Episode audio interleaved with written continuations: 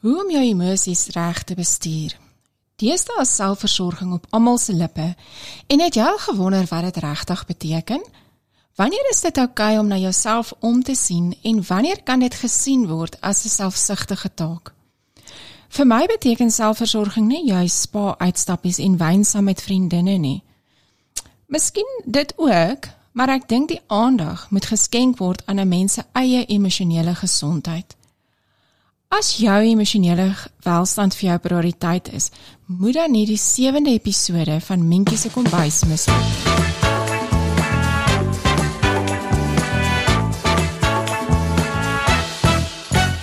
Baie welkom by Minkie se kombuis, 'n heerlike kook- en leefstyljoernaal in Afrikaans. Hier gesels ons land en sand om die kombuistafel oor al die lekker dinge van die lewe. Ons deel resepte, reis en fotografiewenke en die lekkerste hartspraatjies om ons gemotiveerd deur die jaar te kry. As jy 'n begeerte het om 'n lewe te skep wat goed voel aan die binnekant, dan is hierdie geselsprogram net vir jou. Gaan teken gerus aan op jou gunsteling potgooi toepassing en geniet die weeklikse reis saam met ons. Kom ons verwelkom nou ons kletskoningin Minky du Toy.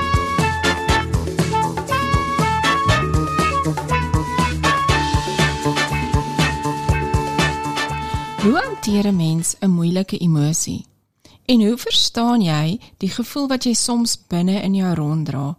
Wat maak 'n mens daarmee? Ek het in die afgelope paar jaar dit oor en oor in my praktyk gesien met kliënte. Mense sit met 'n moeilike emosie, voel bang en onseker oor 'n situasie en soms loop dit oor in 'n oorweldigende gevoel van hopeloosheid. Ek wonder of ek dalk 'n persoonlike storie met julle kan deel. Toe ek 11 jaar oud was en om eintlik presies te wees, een dag na my 11ste verjaarsdag, is my geliefde oupa oorlede aan 'n hartaanval. Ek onthou dit nog soos gister. My pa en ma het vir my en my twee boeties in die kar gelaai en ons is toe op pad na ouma toe wat regtig hartsverskeurende in haar kamer gehuil het. Ek onthou hoe my emosies my heeltemal oorweldig het. En dit het in daardie aand vir my gevoel asof my hart op die grond neergegooi word van hartseer. My oupa het die vorige dag vir my R5 vir my verjaarsdag gegee, waaroor ek so bly was. Hy het nogal 'n grappie gemaak en gesê dis net myne en ek kan vir my ietsie spesiaal gaan koop. Wat so opmerklik vir my nou in hierdie situasie was, was die ervaring wat uh, na die tyd Jy sit met 'n hartseer emosie binne in jou. Die wêreld daar buite verwag amper dat 'n mens weer moet terugkeer na normaal toe. Weer op die positiewe fokus en weer aangaan met jou lewe. En dit terwyl 'n mens nog steeds sonder keuse sit met 'n emosie wat bitter moeilik is. Ek onthou in daardie tyd van my lewe dat ek baie bevoorreg was om na 'n klein intieme skooltjie toe te gaan en een van die juffrouens het my hartseer raak gesien en sy het my pyn erken. Sy het my aangemoedig om te begin neerskryf wat ek voel. Sy het vir my gesê die waarheid asof niemand dit gaan lees nie. Skryf wat in jou hart is. Skryf skryf die waarheid. En hier het 'n mens 'n situasie waar jy alhoewel ek maar net 11 jaar oud was, 'n uitnodiging gekry het om na binne te draai en my gevoelens te erken, raak te sien en die belangrikste van alles, die emosie reg te identifiseer. Wanneer 'n mens met 'n moeilike emosie sit en sukkel, is daar een van twee dinge wat 'n mens geneig is om te doen. Die eerste opsie is om jou emosies en gevoelens op te krop. Dis wanneer 'n mens jou emosies een een kant toe skuif, nie erkenning gee nie en heel waarskynlik in ontkenning ingaan. Beslis met die beste van intensies.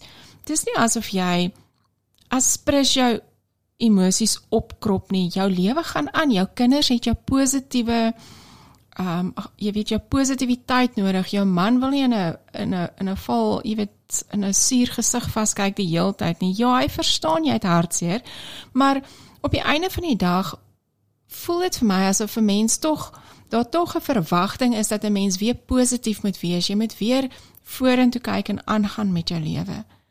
'n Mens ignoreer die moeilike gevoelens en jy maak asof dit nie nou, jy weet, asof jy nie nou die tyd het om aandag daaraan te gee nie. En is amper asof 'n mens nie nou die tyd wil hê om te voel nie. Ek wil hierdie opkrop van emosies vergelyk met 'n klomp boeke wat jy op jou, jy weet, bo op jou kop balanseer. Wanneer jy 'n klomp boeke bo op jou kop balanseer, loop 'n mens versigtig met al hierdie boeke bo op jou kop. Maar ons albei weet, een of ander tyd gaan jy die boeke laat val. 'n Mens gaan jou emosies een of ander tyd laat val as jy dit nie hanteer nie. So, hoe lyk dit as 'n mens al die boeke laat val? Dis daardie een oomblik wat jy iets vir jou skoonma sê wat jy nie regtig bedoel het nie. Of dalk byt jy na 'n kollega wat jy nie regtig kan hanteer nie. En dit gebeur omdat 'n mens uit emosionele kapasiteit hardloop om dinge te hanteer. Juis omdat jy nie jouself veel kere in die verlede toegelaat het om met hierdie moeilik, moeilike emosies te deel nie en nou het jy eenvoudig nie die ervaring om wel daarmee te deel nie. So jy snap net. Aan die ander kant van die pendulum kan 'n mens weer so geabsorbeer word binne in jouself, binne in jou emosie. Jy sien jouself as die een wat te nagekom is, die slagoffer en jy voel so oorweldig met jou emosie. Jy dink die hele tyd daaraan. Dis amper asof jy die boeke so styf vashou teen aan jou dat jy nie die kapasiteit het om enigiets anders vas te hou nie. En in beide van hierdie gevalle veroorsaak dit dikwels hoë vlakke van depressie en angs. En 'n mens kry die gevoel van jy weet ek voel ek is nie goed genoeg nie. So ek wil vandag vir jou vra, hoe lyk emosionele gesondheid wanneer dit by ons emosies kom? Ek dink dis fundamenteel om jou emosies te erken op dieselfde aanvaarbare manier wat ons sagte reën aanvaar. Dink aan die reendruppels wat op jou wang val. Jy aanvaar dit vir die oomblik. Jy erken dit en dit definieer jou tog nie. Om 'n middeweg tussen die pendulums te kry, glo ek is die eerste manier om jou emosies te sien as net 'n emosie. Dit is nie jy nie. Dit definieer dit definieer jou beslis nie. Dit is net 'n gevoel wat jy het. As jy kwaad is, erken dat jy die emosie van kwaad voel, maar erken dit as juis die emosie en nie wie jy is nie. Ek dink wat baie belangrik is om te onthou is om jou emosie 100% reg te identifiseer. Daar is 'n groot verskil tussen ek is kwaad teenoor ek voel uitgeput, ek is hartseer of miskien is ek teleurgesteld. Wanneer 'n mens jou emosie nie korrek identifiseer nie, ontneem jy jouself van die vermoë om dit reg te hanteer en te bestuur. Een waardevolle wenk wat ek al jare vir my kliënte voorstel, is om wanneer jy in 'n emosie is, vir jouself te vra, wat is twee ander emosies en twee ander opsies wat ek nou voel? Dalk is dit net dat ek ondersteuning nodig het of dat ek teleurgesteld voel. Dalk is ek net hartseer en nie kwaad soos wat ek aanvanklik die emosie gelabel het nie. Onthou 'n mens kan ook um in jou as ek die Engelse woord default kan gebruik, jy kan ook in jou default ingaan. Jy kan altyd 'n gewoonte hê wat jy sê ek ek voel kwaad. Jy weet of ek voel hartseer of ek weet ek het 'n gewoonte gehad waar ek gevoel het jy weet, ek voel oorweldig. Maar wanneer jy gaan sit en jy dink by jouself, wat is twee ander moontlikhede van die emosies wat ek nou voel? Dan is dit miskien nie dat ek oorweldig voel nie. Ek voel miskien net um teleurgesteld omdat ek um nie alles gedoen het wat ek wou gedoen het nie of iemand het my teleurgestel of ek is kwaad. Um jou reaksie tot jou emosie is wat in die oomblik belangrik is. Wanneer jy erken dat jy 'n emosie voel, byvoorbeeld ek is teleurgesteld, ek is bekommerd, dan bemagtig jy jouself om jou self en die situasie reg te hanteer. Ek dink vandag se groot takeaway, as ek alweer 'n Engelse woord kan gebruik, moet my asseblief nie stenig nie. maar vandag se groot takeaway is dat 'n mens met jou emosies bestuur en nie toelaat dat jou emosies jou bestuur nie. Nie toelaat dat jou emosies jou dryf nie, maar dat 'n mens nog altyd in beheer van jou eie emosies is. Um dis baie maklik om net oor te gee dat jou emosies jou beheer.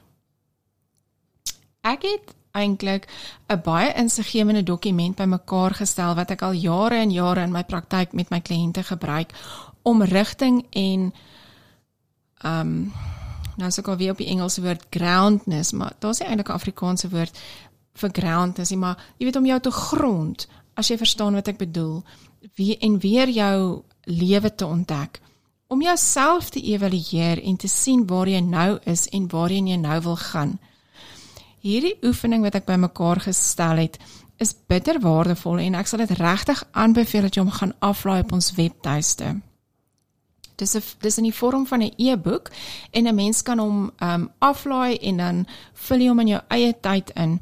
Die skakel na hierdie e-boek toe is in die programnotas hieronder en dit is ook onder die kursusafdeling op ons webtuiste en ek dink ek het hom in hierdie week ook op ons Facebookblad uh jy weet gaan sit.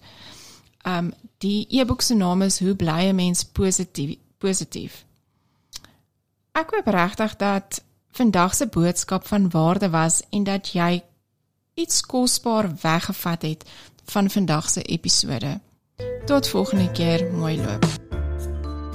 Hierdie episode word geborg deur Minkie se baie populêre iPhone fotografie beginsels kursus. Wil jy graag beter foto's neem met jou iPhone? Voel jy oorweldig met al die funksionaliteite van jou kamera toepassing? Sukkel jy om indrukwekkende foto's te neem waarop jy trots kan voel? Dan is hierdie kursus beslis vir jou. Die beste kamera is altyd die een wat jy in jou sak het. En wat beter as die iPhone se kamera? Jy het beslis nie die beste en duurste tegnologie nodig om die beste foto's te neem nie. Die geheim van 'n besonderse foto lê in jou tegniek en kennis. Hierdie kursus gaan jou nie net help om jou natuurlike vaardighede te ontwikkel nie. Dit sal jou ook help om jou unieke perspektief te ontdek.